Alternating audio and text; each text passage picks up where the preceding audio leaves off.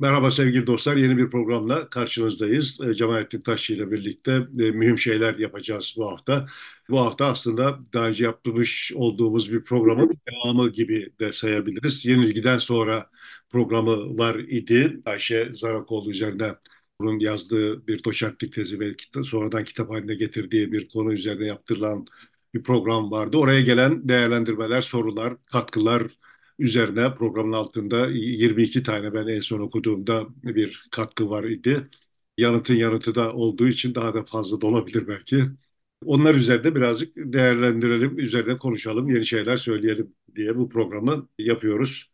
Orada da gerçekten çok farklı fikirler var. Bu bir yandan iyi bir şey. Çok katkı da sağlamış oldu. Yeni şeyler de oraya söylenmiş oldu. Eleştiriler de var doğal olarak.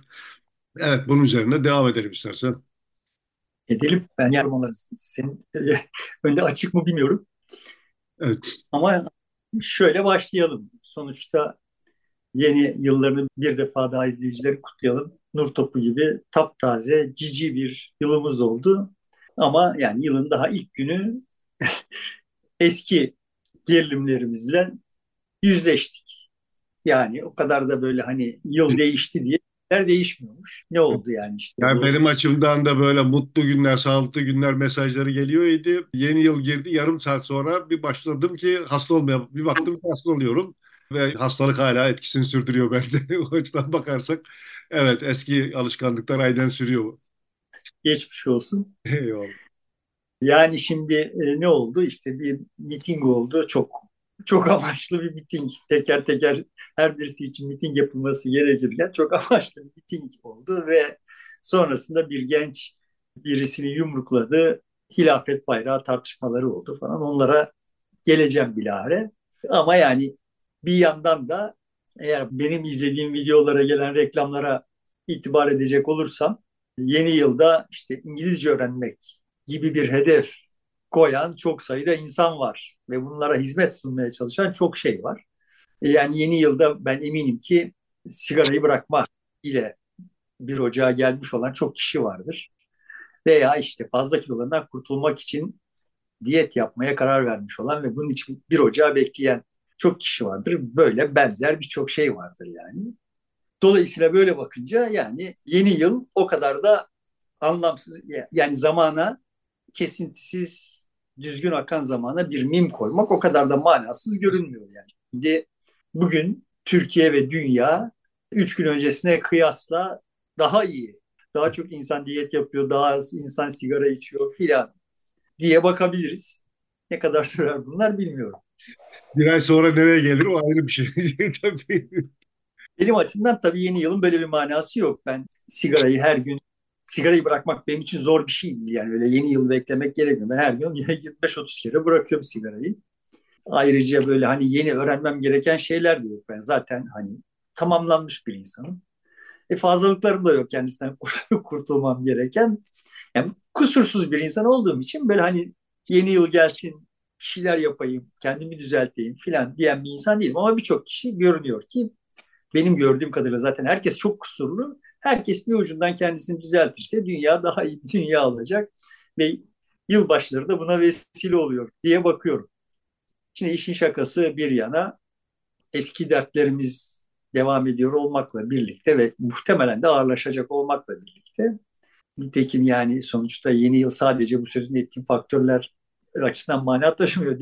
Devletimiz de yeni yıl hevesle bekliyor işte köprü zamları, muhtelif zamlar için kocaman ve işte acul bir takım zamlar oldu. Bir, bir yandan da daha ufak ve daha yavaş gelişen zamlar var işte emekli maaşlarımız falan gibi konularda. Sonuçta yeni yıl birçok şeyi değiştiriyor.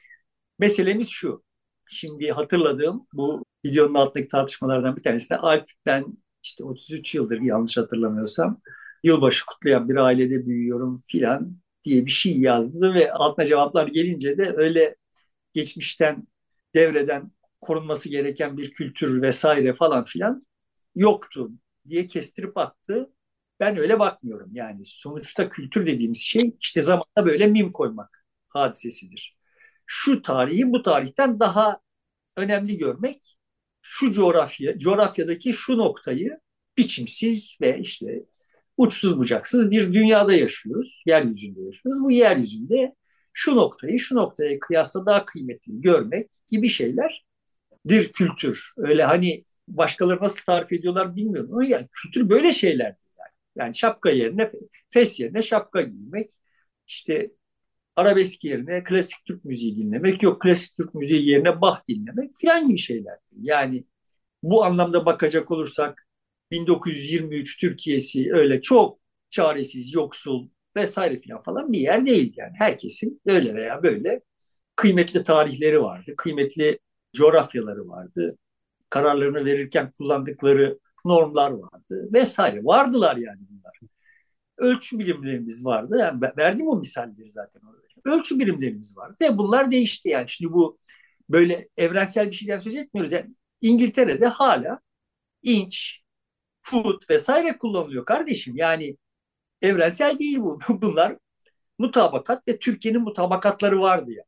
Bu mutabakatların değiştirilmesine karar verildi. Bunun toplumun belirli kesimlerinde yarattığı bir ruh durumu var. Bu ruh durumuna dikkat çekilmesi, dikkat çekmeye çalışıyorum kendimce uzun süredir. Ve Ayşe Zarakoğlu'nun kitabı da buna bir şekilde başka türlü datalarla katkıda bulunan bir şey. Yani bu ruh durumu yani böyle zaten yoktu bir şeyler dediğin zaman görmezden geldiğin şeyler zaten birçok insanı irite ediyor. Vardı ve bunlar değiştiler. Benim burada kendi pozisyonum şu. Vardı, değiştiler, değiştirildiler. Bunun değiştirilmesine duyulan bir reaksiyon vardı. Bu reaksiyon zamanla muhtelif başka sebeplerle büyüdü. Buna karşı, bu büyümeye karşı tırnak içinde devlet ya yeterince hassas olamadı, ya bunu yönetemedi, ya, ya bunu yönetmeyi önemsemedi veya daha kötüsü bunu kışkırttı. Dolayısıyla da bu toplumun kendi içindeki kamplaşmasının köklerini ta oralara gitmeden anlamış olamazsınız demeye çalıştım şey bu yani. Genel olarak onlarca, onlarca yıldır söylemeye çalıştığım şey bu. Bu tarafların bir tanesinin yanında ötekisinin karşısında olarak konuşmuyorum. Konuştuğum şey son derece net. Buraya bir, bir şey bir neşter vuruldu. Bu neşterin bir izi var. Zamanla bu iltihap kaptı. Kapmayabilirdi. Ben öyle görüyorum en azından. Yani doğru yönetilseydi, yeterince hassas olunsaydı. Ama aksine bunun iltihap kapmasını istiyormuş gibi davranıldı. Ve bu, bunun bugünkü sıkıntıların kaynağı olduğunu düşünüyorum. Şimdi ama bu reaksiyonu gösterenlerin talepleri irrasyonel falan. evet yani. En somutunu işte şeyde gördük. Bu son bir, 1 Ocak'ta gördük yani. Yani şimdi hadise şöyle bir şey sonuçta. Cahillikle suçlanıyor belli bir kesim tarafından kalanlar cahillikle suçlanıyor ve bu belli kesim 1 Ocak'ta gerçekleşmiş olan hadiseyi tarif ederken hilafet bayrağı diye bir şeyden söz ediyor. Hilafet bayrağı diye bir şey yok yani. Yani cahiller bir, bir şey görüyorlar buna hilafet bayrağı diyorlar. Kendi cahilliklerini bilmedikleri için karşı tarafa cahil deme lüksüne sahipler. Ben o bayrağın yanındayım filan bunları konuşmuyorum. Ben konuştum herkes cahil. Bizi cahil bırakan bir cumhuriyetin çocuklarıyız. Bizi cahil bırakmakta medet ummuş olan yani Türkiye'nin Kürdünün olduğunu 1915'te bu topraklarda tuhaf işlerin yaşanmış olduğunu bilmememizden kendisine bir iktidar çıkartan bir devletimiz oldu bizim yani. Ve bunun gibi birçok başka şeyi de bilmememiz üzerinden bir böyle puslu bir havada karşı karşı karşıya gelmiş iki kesimiz. Daha çok kesimiz aslında da iki ayrı bayrak altında toplandık. Yoksa hani geçen programda da söyledim. Fenerbahçe ve Galatasaray'ın Arabistan'da maç oynamadan dönüp gelmelerine alkış tutanları bir araya getirsek birbirlerinin gırtlaklarını sıkarlar. yani çok farklı sebeplerle orada Fenerbahçe ve Galatasaray'a alkış tutan insanlar var. Öyle değil mi yani? Bir yanda Fenerbahçeliler var. Öyle dünyanın başka herhangi bir konusu onları ilgilendirmiyor. Bir yanda Galatasaraylılar var. Bir yanda Arap düşmanları var. Irkçılar var yani. Bir yanda işte tırnak içinde Atatürkçüler var. Bir yanda bütün bunlardan nispi olarak uzak ama evet AKP'ye karşı çaresizlik içinde bir tutunacak yer arayanlar var. Ötek tarafına bakalım yani bu olayda Fenerbahçe, Galatasaray vesaireyi suçlayanlara bakalım. Onlar da sadece onlardan oluşan bir ülke olsa birbirinin gırtlağına basacak sayısız grup var. Ama şimdi bu gruplar böyle iki bayrak altında toplandılar puslu bir havada karşı karşıyalar. Türkiye'nin hali bu ve bu iki grup halde toplanma hali sistematik bir karakter arz etmeye başladı. Bunu da işte bu tırnak içinde hilafet bayrağına bayrağı taşıyana atılan yumrukta gördük yani. Adam çıkıyor diyor ki işte hilafet bayrağı taşıyordu. Taşıyabilir mi? Bu kanunsuz falan filan. Yani bilmiyorum olay, kanunlar. Olay da çok absürt bir olay. Ben biraz görüntülerden izlemeye çalıştım. Yani e, bir tane delikanlı tek başına gidip orada kendisinden bir yaşlıca birisine vuruyor. Diğerleri öylesine bakıyor. Sonradan ya filan hadi üzerine gidelim deniliyor. Gidiliyor. Sanki çok kolayca komplo teorisi kurmak mümkün bu olayda. Birisi göndermiş de o da korka korka böyle birisine yumruk atmış gibi bir izlenim de var ya. Ya yapma Allah aşkına bir de buna komplo teorisi yakıştırma. Orada besbelli görünüp duran bir şey. Kendisini çok çaresiz Türkiye'de kendisinin sahip olduğunu düşündüğü değerlerin böyle ko- kolaylıkla istiskal ediliyor olmasına artık dayanamıyor olduğu, dayanamaz duruma gelmiş olduğu belli olan bir genç şiddet gösteriyor. Karşısındakiler o gençle mücadele edecek kadar kalabalık olup olmadıklarını bir kontrol ediyorlar. her zaman olduğu gibi yani. Bütün milliyetçiler, mukaddes açıların her zaman yaptığı gibi. Sonra onunla da yetinmiyorlar. Polis arıyorlar. Ha polisi de buldukları zaman birden bir cesaret geliyor. Evet.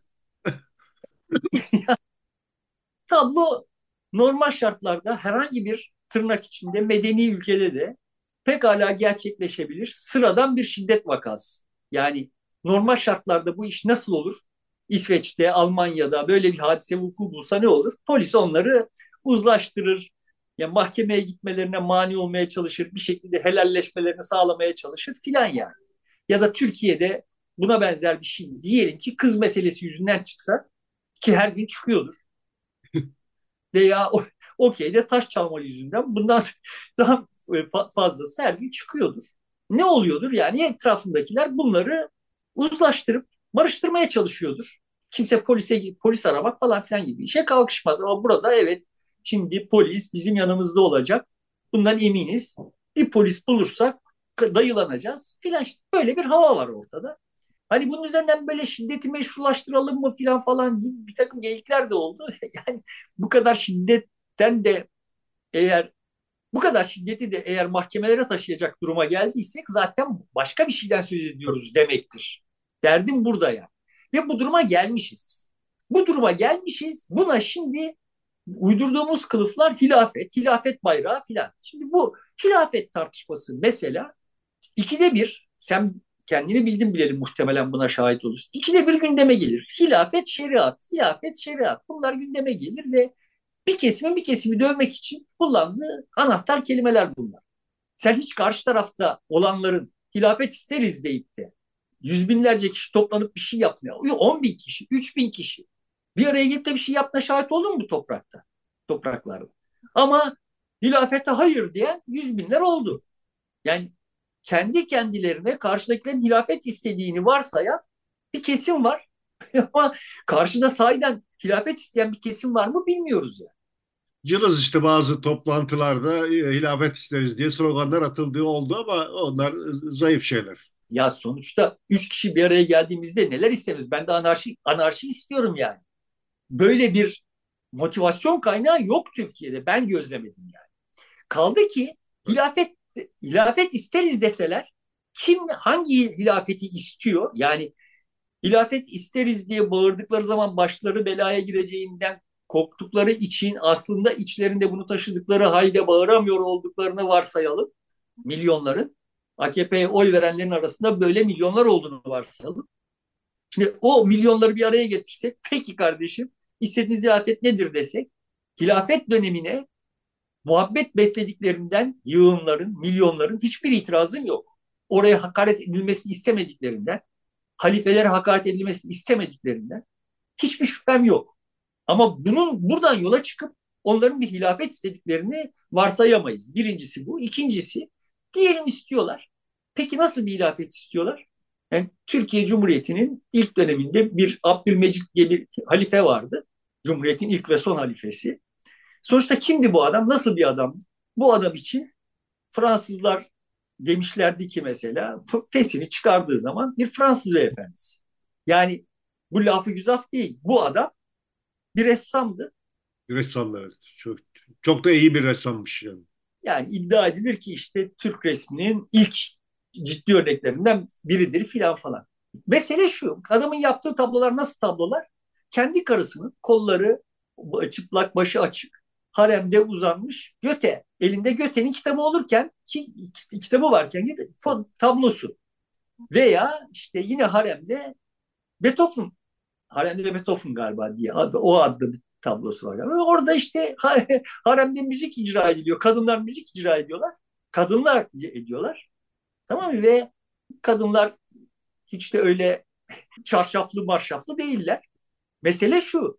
Canım tabii ki haremde niye çarşaflı? Ama adam bu tabloları Yaptı. yurt içinde yurt dışında sergilere yolluyor yani. Bu tabloları yapıyor.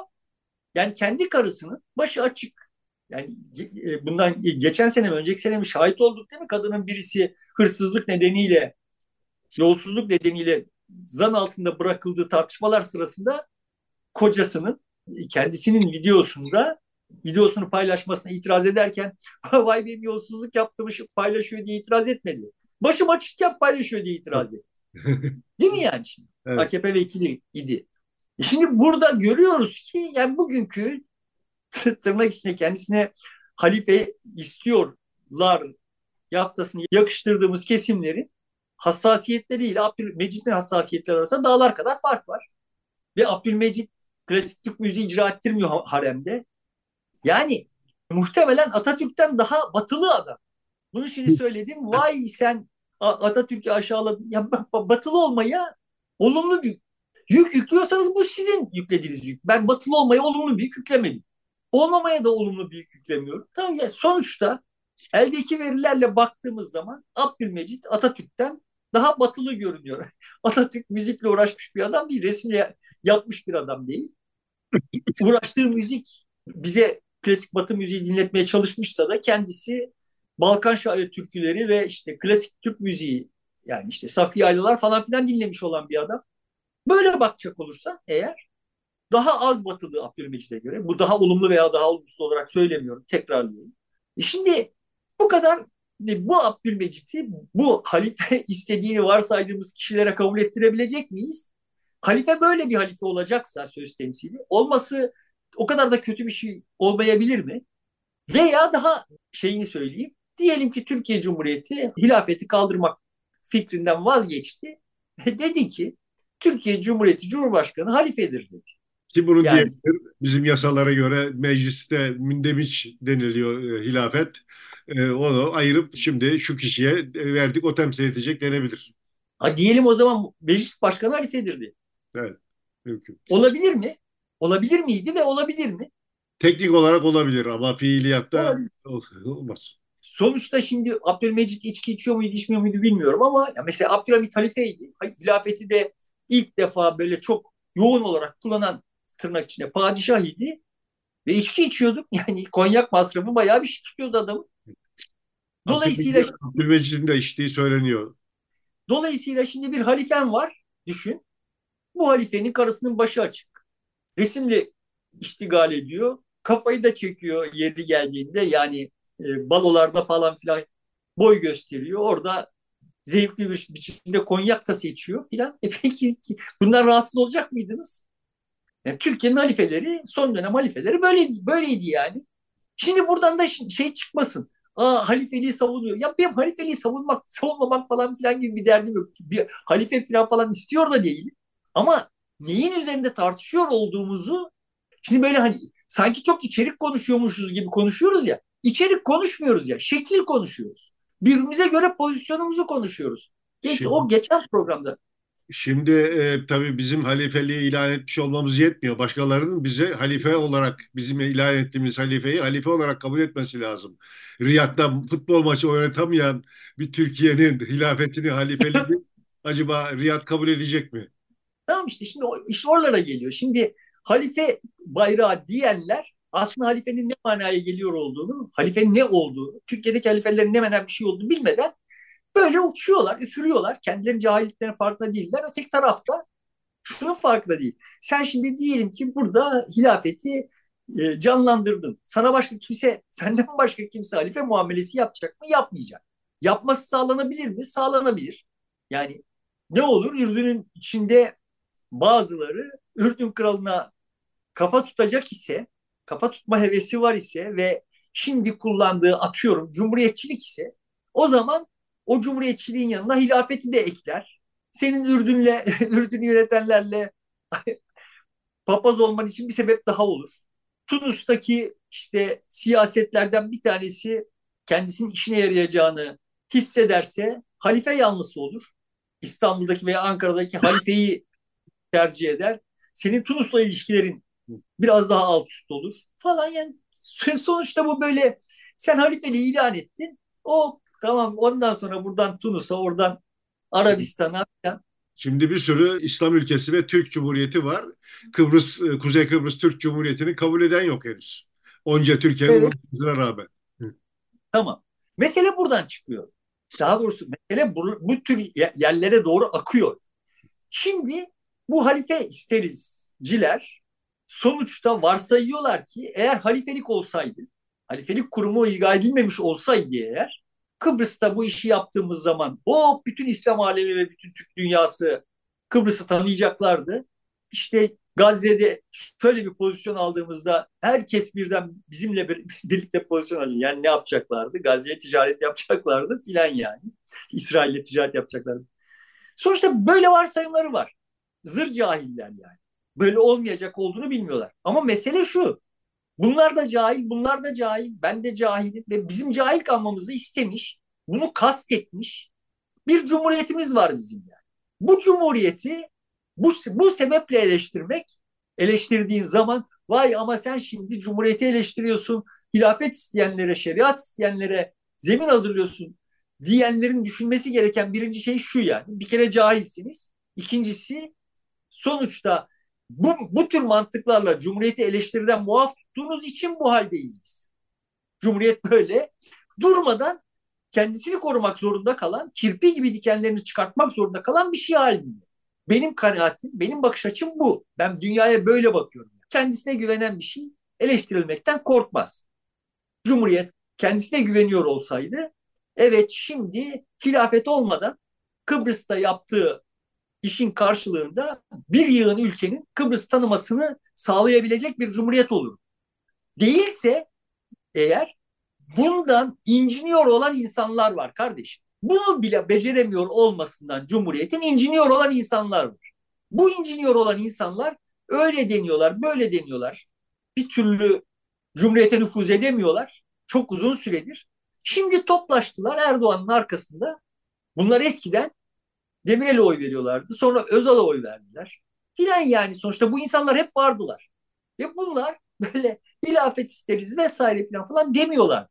Ama saygı görmek istiyorlar. Temel meselemiz bu. Yani Türkiye Cumhuriyeti'nin saygı görmesini istiyorlar. Kendileri zaten saygı görmek istiyordu. Ama Türkiye Cumhuriyeti'nin de saygı gö- görmesini istiyorlar. Şimdi Türkiye Cumhuriyeti istiskale uğruyor. Bu istiskale uğraması ağırlıklı olarak Erdoğan'ın yani eskisine kıyasla daha çok istiskale uğruyor. Ve bu istiskale uğraması Erdoğan'ın politikaları sonucu benim kanaatime. Benimle birlikte anlaşılan o ki milyonlarca kişi de bu kanaatte. Tamam peki ama öteki tarafta o öteki tarafta birileri de meseleye şöyle bakıyor. Aha SİHA yaptık. Kendi uçağımızı da yapacağız. Uçak gemisi benzeri bir şey yaptık. Sahiden uçak gemisi de yapacağız.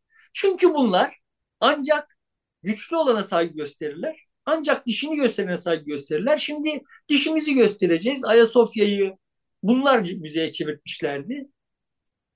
Payitahtı İstanbul'dan Ankara'ya bunlar getirmişlerdi. Şimdi bunlar doğru mudur? Bu, bu şayialar doğru mudur? Yanlış diyebiliyor musun? Yani Kemal'in ve arkadaşlarını niye Kemal diyorsun demişler. Bak kardeşim o tarihte Kemal'e Kemal diyordu herkes. Yani. O yüzden Kemal diyorum. Bunu bir kere yazmıştım bir daha bir daha burada söyleyeyim yani. O tarihte o adam Atatürk değildi ve kendisine Mustafa denmesini de istemiyordu. Yani Adam istemiyordu ya. Siz Mustafa Kemal deyip duruyorsunuz da adam için Mustafa peygamberin adı ve istemiyordu adam.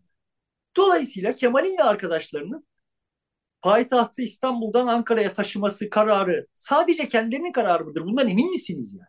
Ya açın bakın şeyi İngiliz yazışmalarını, o ta, İngiliz yazışmalarını ve İngiliz Başbakanının vesaire falan falan Türkiye ile ilgili tasarrufların arkasındaki motivasyonları, tartışmaları falan, falan açın bakın yani. Türkleri İstanbul'dan çıkartmak gerekiyor. Hilafeti kaldırmak gerekiyor.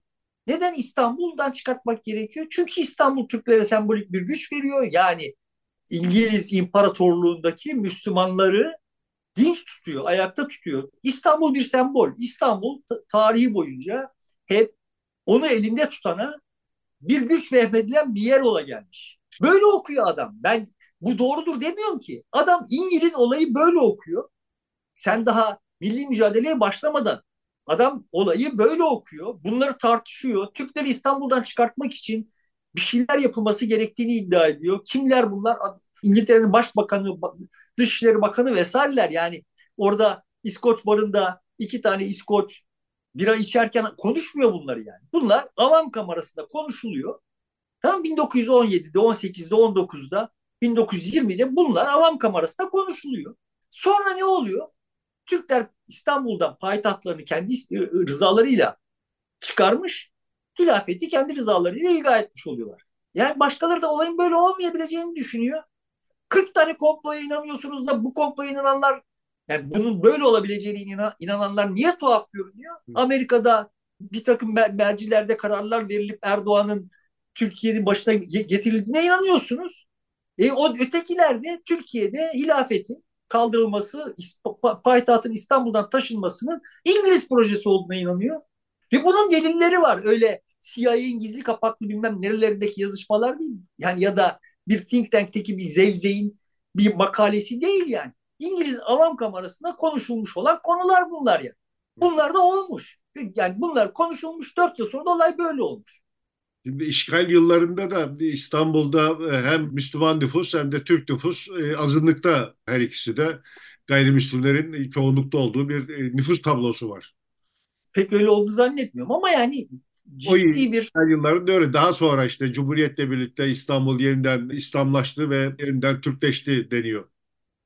Ya ilk defa İslamlaşıp Türkleşti. Yani çok gayrimüslimlerin nüfustaki hissesi ve İstanbul mülkündeki hissesi ilk defa Cumhuriyet'le birlikte ciddi biçimde azalıyor. Evet. Şimdi bu bu bir vakıa. Buna bir itirazım yok. Mesele şu. Arka planda böyle kendisini yenilmiş hisseden, yenilgiye tırnak içinde rıza göstermiş olanlara karşı öfke biriktiren, o yenilgiye rıza göstermiş olanların memleketin tapusunu eline geçirdiğini düşünen, yani sen ben yenilgiye rıza göstermişiz, bize İngilizce öğretilmesini iştiyakla karşılamışız. Türkiye'de bak benim çok yakınlarım Arapça öğrenmeye heveslendiler, takibata uğradılar. Nereye kadar? Ta Erdoğan döneminde de yani. 2005-2006'da filan hala takibata uğruyorlar. Polis oturmuş sivil bir biçimde kendi arasında Arapça öğrenmeye çalışan insanları taciz ediyordu. Ama İngilizceyi kendi okullarında, kendi üniversitelerinde eğitim dili yapmıştı. Şimdi kendinizi o Arapça öğrenmeye çalışanların yerine bir koyun bakalım. Canım Arapçayı niye öğrenmeye çalışıyor diye hesap sormaya kalkmadan kendinizi İngilizce bilen ve öğrenmek isteyenler olarak otomatik olarak haklı görmeden onların yerine bir kendinizi koyun bakalım. Ne görüyor adam? Orada işbirlikçiler var. Yenilgiye rıza göstermişler. Kendi rızalarıyla yenilgiye kabul etmişler. Biz buna direniyoruz. Filan diye hissediyor adam. bir şey direndiği var mı? Yok. Yani şimdi mesela ben bizim liselerin hiçbirisinde Osmanlıcanın e, seçmeli ders olarak okutulduğunu görmedim, duymadım. Ama Damdasyon'da bir Fransız lisesinde seçmeli ders olarak Osmanlıca var idi ve e, seçen öğrenciler de mevcuttu. Peki. Sonuçta ben ciddi bir asimetrinin asimetriden söz ediyorum. Sen de hani bu asimetriyi bir başka biçimde ortaya koyuyorsun da sonuçta Türkiye'de Arapça öğrenmeye çalıştığı için takibata uğramış çok yakından tanıdığım insanlar var. Böyle hani efs dedikodudan, efsaneden falan falan söz etmiyorum. Türkiye Cumhuriyeti böyle bir devlet. Ve hala böyle bir devlet yani. Şimdi yarın öbür gün birileri Türkiye'de Arapça üniversiteler açıp İngilizceyi eğitim dili olmaktan çıkarabilir. Çünkü bu olay ötekinin imha olması dışında herhangi bir tatmin noktası olmayacak yere doğru gitti yani. Geldiğimiz nokta bu. Yani benim için açımdan bu bir Ocak sabahı olan şey yani, yani bizi bir iç savaşa doğru götürüyorlar. Ben uzun süredir bu riski görüyorum. Çünkü burada bir akıl, bilgi ve izan yok yani artık. Yani karşılıklı bir yumruklaşma hali. Şimdi bu 1 Ocak'ta te- tertip edilen tiyatronun filan iç savaşı körüklemek buna bir etkisi olduğunu filan da zannetmiyorum. Aslında şimdi şöyle bir şey var.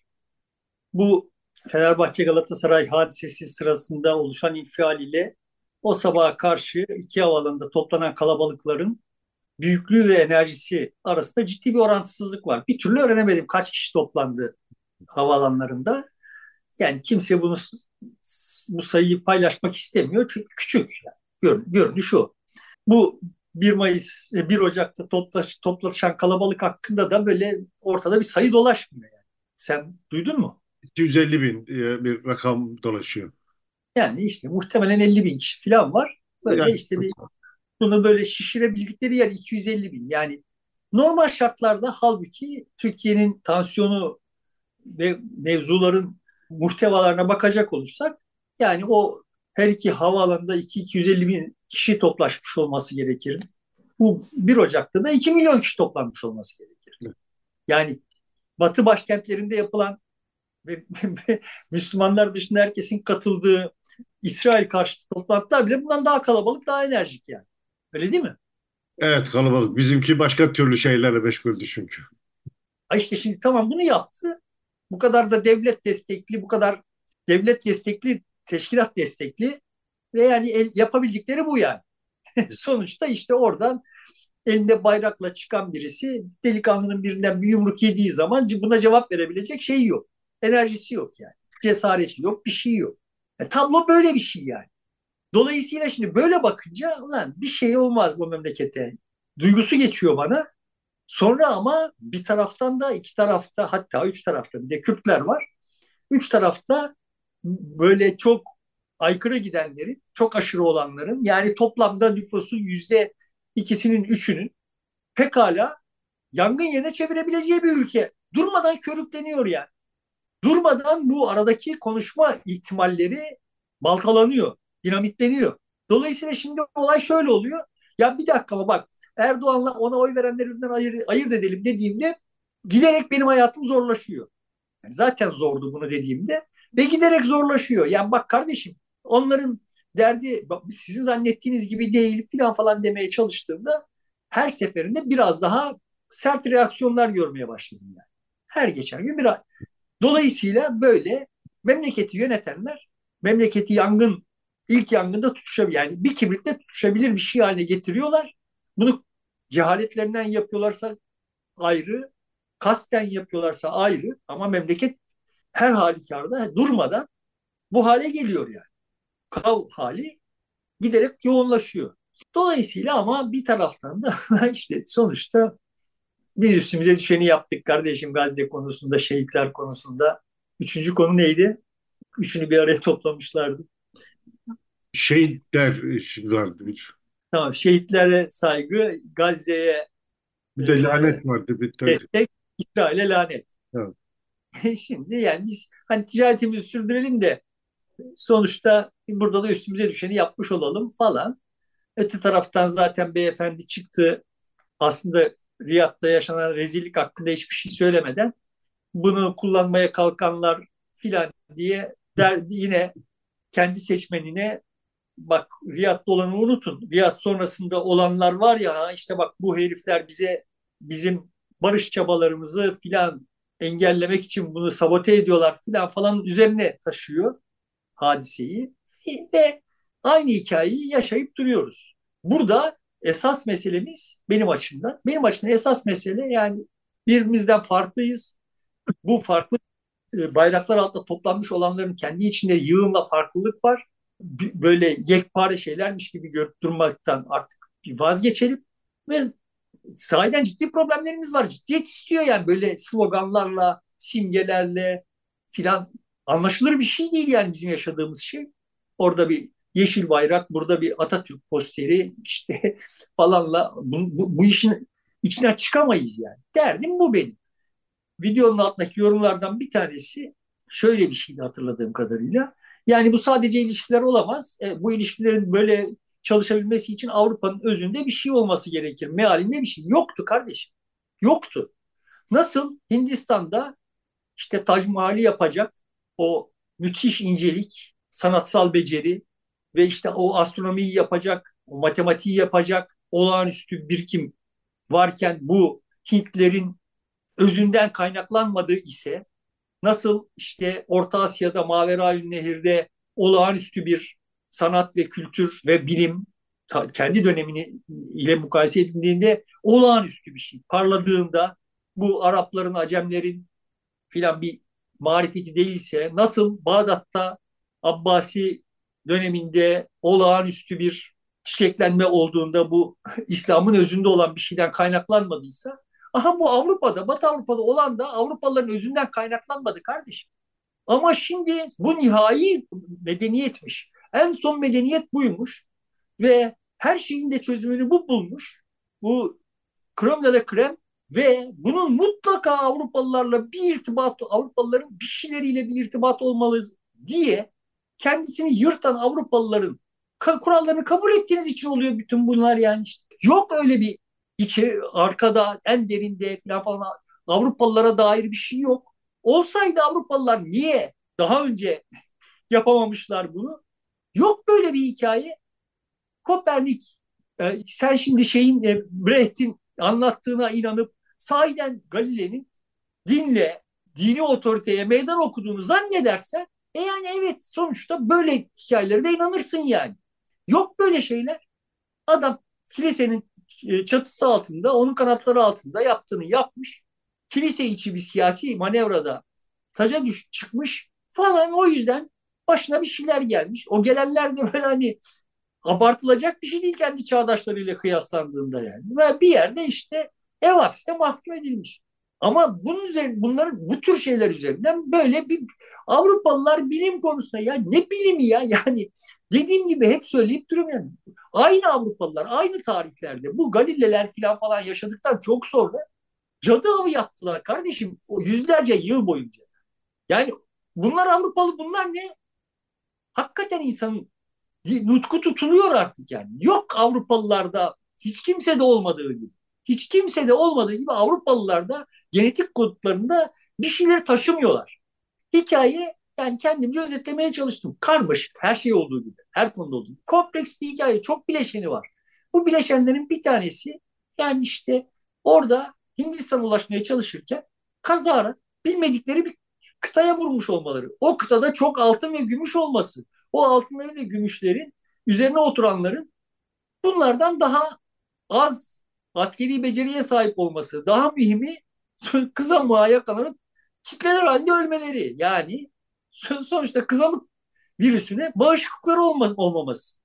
Sonuçta kırılmışlar. Onların altınlarına, gümüşlerine el koymuşsun. Buraya getirmişsin. Bunlarla büyük ordular kurmuşsun.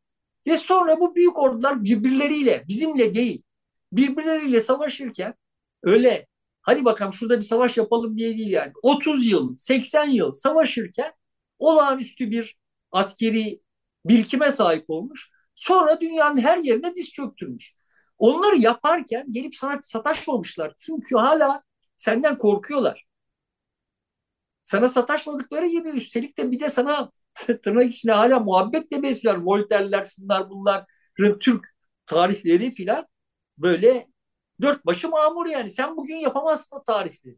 Yani neyin hakikaten neyi temizleyeceğiz biz bu zanlar e, arasından yani? Yok öyle Avrupa'da bir marifet yani. Savaşmışlar. Bir de çok önemli bir özellik olarak istemedikleri bir şey ama istemedikleri şey realize olmuş. Bütün Avrupa tek bir otoritenin altında birleşememiş. Dolayısıyla birbirleriyle iç içe kakışa hem savaş kabiliyetini artırmışlar hem de birbirleri farklılıklarından beslenmişler. farklı otoritelerin olması burada geçinemeyenin oraya, orada geçinemeyenin buraya kaçmasına imkan vermiş. Bunu Osmanlı topraklarında yapamazsın. Çünkü tek bir otorite var. Bu ama sanki hani böyle Avrupa'nın istediği bir şeymiş gibi anlatmanın hali yok. İstemedikleri bir şeydi. Sonrasında bu sistem o paralar gelip de işte böyle aristokrasiye dağıldığında ve farklı farklı küçük ölçekli aristokratlara dağıldığında hüner metalaşmış. Eskiden olay nasıl çalışıyordu? Adam şair ise, fuzuli ise gidip sarayda oturacak. Padişah aklı esti ona bir kese altın verecek. Sarayda yaşayacak, saraydan geçinecek. Bir kontrat, bir gelirini garanti alacak bir şey yok yani. Tam padişahın canını sıkana kadar orada oturacak. E ama şimdi bunlar ha padişahın dışında bir de şurada bir aristokrat var. Şimdi buradaki marifetimi ona da satabilirim filan olunca kontrat yapmaya filan başlamışlar. Böyle böyle sonrasında da loncaların zayıfladığı bir çatlakta yeni bir iktisadi düzen ortaya çıkmış. Kimse bunu istememiş. O tarihlerde açın okuyun kardeşim yani şimdi ben de Emrah Sefa Gürkan gibi konuştum eyvah eyvah. Ben de zıvadan çıkıyorum. Yani o tarihlerde yazılmış olanlara bakacak olursanız bugün nasıl vay şey geliyor yapay zeka geliyor bizi bitirecek vay efendim işte otomasyon işsizliği arttırıyor bunlara nasıl çare bulacağız filan gibi şeyler ya olmuşsa o tarihlerde de bütün Avrupa'da ulan olur mu ya bu metalaşıyor yok işte burada loncaların düzeni aman tarımdan sanayiye gidiyor şey kaynaklar ne kadar berbat çok korkutucu şeyler oluyor. Bunlar hepsi başımızı belaya sokacak diye yazılmış. Bunlar isteyerek yapmamış insanlar. Bunlar başlarına gelmiş. Ta 19. yüzyılda olan bizim başımıza meğer iyi bir şey gelmiş diye bunu kabul etmişler. Sonra da oturmuşlar. Niye geldi bu diye kendilerine pay biçecek bir masal anlatmışlar. Şimdi bu masalı size ilkokuldan itibaren öğretiyorlar. Ayrıca her yerden de bu yayılıyor. Tekrarlana tekrarlana böyle bir bu böyle olmadı. Olmadı yani. ne kadar uğraşırsanız uğraşın bunun böyle olduğunu gösteremezsiniz. Bir tek şeyle gösterebilirsiniz. Yazılmış olanı referans gösterin. Ama onlar gizine sürün hepsi birbirine referans gösteriyor zaten. Bir yalan uydurulmuş. Avrupalılarda bir beziyet var. Yok. Yoktu yani. Bu şimdi Avrupalıları aşağılamak vesaire falan falan için söylediğim bir şey değil. Ya dünyayı okurken böyle bakılamaz. Kültürlerin özleri var, toplumların özleri var falan diye bakılamaz. Allah'ın vandallarıydı bunlar. Geldiler, kurulmuş düzenin üzerine inceldiler. Tarih hep bunu tekrarlayan bir şey. Şimdi yapmış olduklarına bakıp bunların ta yedi cetlerinde de bir meziyet varmış ki akıl yürütmenin manası yok yani. Bu programda söylemeyi isteyip de atladığım bir şey daha vardı. Onunla ilgili bir soru var mı? Var mıydı hatırlamıyorum. bir de şey geyiği vardı yani. Bu Avrupalıların geyiği gibi bir de bizim coğrafyamızda iki tarafında kullandığı, iki tarafında farklı farklı kullandığı Japonya geyiği vardır. Yani şimdi canım tamam bak Japonlar da yenildi ama kültürlerini koruyup teknolojiyi alıp bunlara meydan okudular ve bunların arasına girdiler. Bu hilafetçi kesimi hani öyle diyelim muhafazakar denen kesimin geyiği budur yani. Ya öyle bir şey olmadı. Dünyada en deforme olmuş olan kültür Japon kültürü şu anda dünyanın muhtemelen en dejenere cinselliğinden, aile yapısından, işte gençliğin yaşadıklarından yani akla ne geliyorsa her bakımdan en dejenere, en ümit var etmeyen toplumu yani kız çocuklarının, genç kızların külotlarını para ödeyen insanların olduğu, bunların takas edildiği bir bir ülke lan Japonya. Yayın kültürü yani Amerikalılarla bugün karşılaştıklarında bile hala Amerikalılara diz çökmek durumunda kalan, gözlerini yuvarlaklaştırmak için estetik ameliyatlara yığınla para döken, kendi fizyonomilerinden utanan bir topluluk şimdi bize böyle ama onlar kültürlerinden vazgeçmeyip falan diye bir masal anlatıyor. Hayatta Japon görmemiş yani. Kaldı ki Japonlar o Batılılar tarafından pek kabul edilmiş de görünmüyorlar. Ha, tamam yani biz şimdi Japonlar çok zenginleşti. Dünyanın en büyük ikinci ekonomisi oldu. Bir ara öyleydi yani. O halde şimdi Japonları böyle hala valayla kendi aramıza yani mesela Japonlar hala Birleşmiş Milletler'de ağırlıklı bir reyi olan etrafında bir grubu toplayabilmiş, onlara liderlik yapabilir olan bir şey değil. Kimsenin hesaba Avrupa kulübüne kabul edildi. Onlardan birisi olarak görülüyor diye değerlendiriyor. Ne, kabul edildi? Avrupa kulübüne üye olarak kabul edildi. Onlardan birisi gibi gözüküyor. Öyle biz görüyoruz. Öyle bir zam var. Japonlar öyle hissetmiyor. Yani öyle hisseden Japon var mıdır? Vardır. Öyle hissetmeyen çok Japon var yani. Hop lan her dediğinizi yaptık.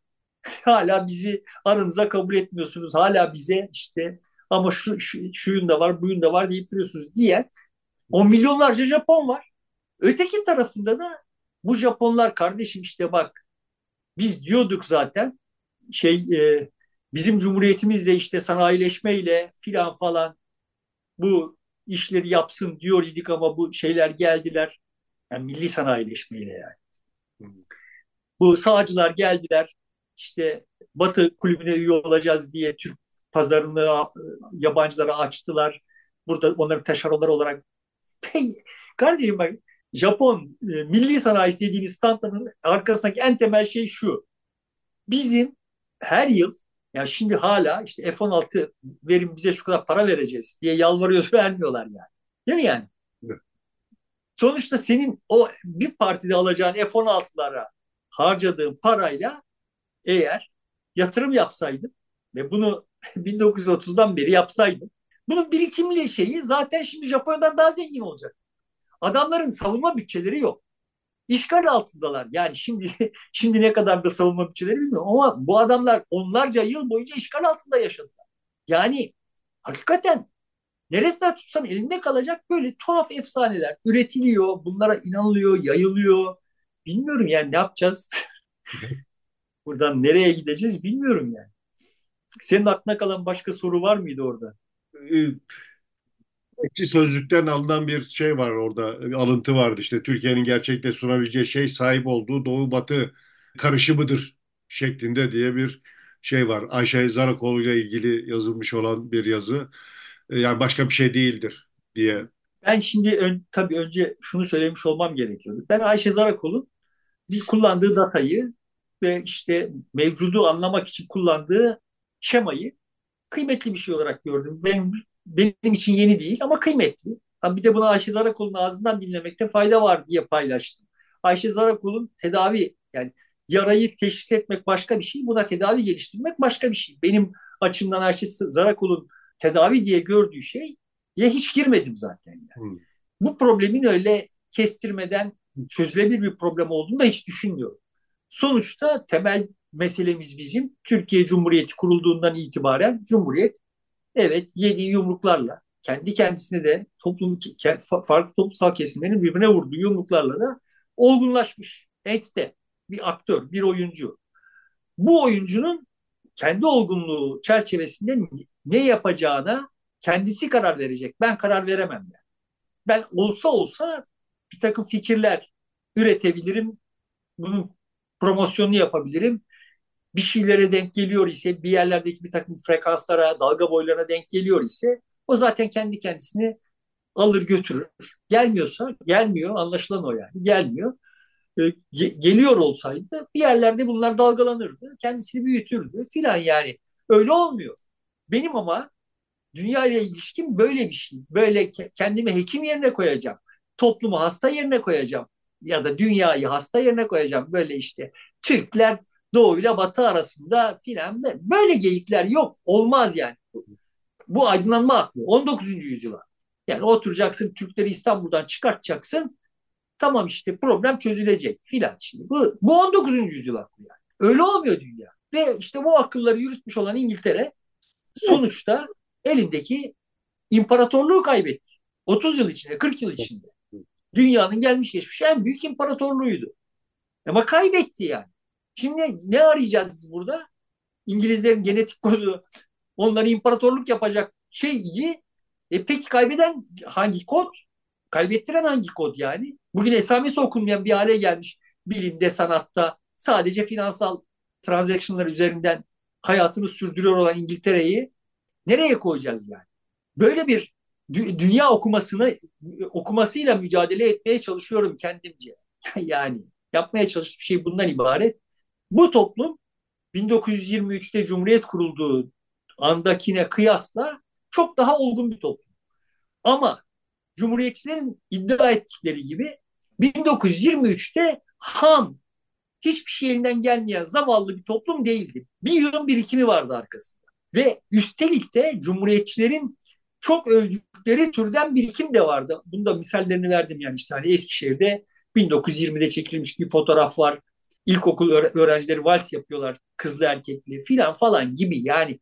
Sonuçta o Osmanlı böyle zannedildiği gibi bir şey değildi. Can havliyle, canhıraş bir biçimde hayatta kalmaya uğraşıyor idi. Bir, şeyler yapmış idi.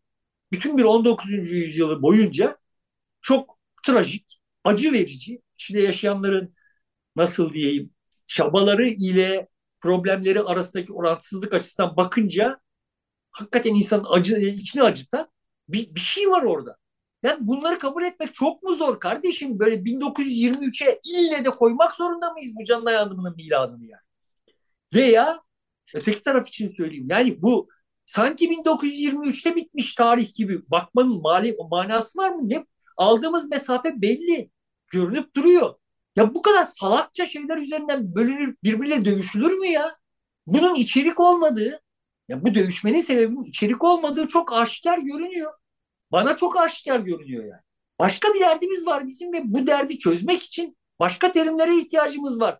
Alın Atatürk'ünüzü bir kısmınız alın. Osman e, hilafet bayrağınızı, Osmanlınızı bir kısmınız nereye çekileceksiniz çekilin. Biz bu işlerin böyle olmadığını anlayabilir ve kabul edebilir olgunluktaki bireyler olarak kendi oyunumuzu kuralım. Şimdi buna izin vermiyor sistem. Siyaset sistemin buna imkan vermiyor. Merkezi boşalttı. Giderek giderek giderek giderek uçlara doğru gücü de, devretti. Ondan sonra İngiliz'in genetik kodu, Türk'ün genetik kodu filan bunları konuşuyoruz. Yok böyle şeyler yavrum. Tuhaf bir Türkiye'de yaşıyoruz. Şimdi Emrah Sefa Gürkan 1 Ocak 0000'da bir video yayınladı Timur hakkında. Böyle bir, bir saat falan olmuştu yanlış e, hatırlamıyor isem. Bunu kaç kişi izlemiş diye şöyle bir baktım videoya 65 bin kişi izlemiş. İzleyenlerin büyük bir bölümünün Türkiye Cumhuriyeti'nde yaşıyor olduklarını varsayarsak demek ki 65 bin kişi yeni yıla SG izleyerek girdi yani. Tamam yani şimdi yılbaşı hakkında koparılan şeylere bakacak olursan ya bu, bu önemli bir gösterge. Ama ya adam son derece aklı başında, tevazu sahibi filan bir şeydi. O programda herkese bir naralandı, bir ders verdi. Giderek zaten ses tonu buraya doğru geliyor idi. Ben de o kızım ve yeğenimle birlikte iki yılbaşı gecesi videoyu izledikten sonra izlerken yani işte geç vakit dedim ki ya ben de benim de böyle olmama izin vermeyin. Ama ben de görüyorum ki ben de öyle oluyorum. Herkese bir akıl verme. Yani bu yanlış bir şey. Okuyun lan. Okumadan işte zaten İngilizce bilmeden olmaz falan filanlar filan böyle kimiz biz ya? Kimsin sen? Yani seni şu kadar kişi izliyor diye yarın o kadar kişi seni çıktığın yere sokar yani.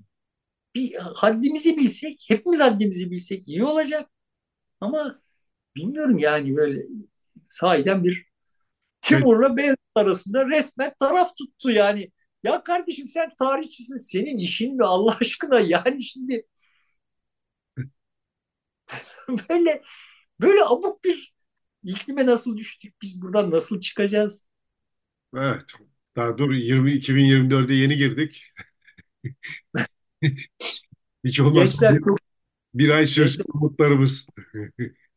Gençler çok kullanıyorlar ya, kullanıyorlar ya işte yıl olmuş 2023 hala filan falan. Yıl evet. olmuş 2024 diyorum ben de. Ben hala bunlarla uğraşıyoruz yani.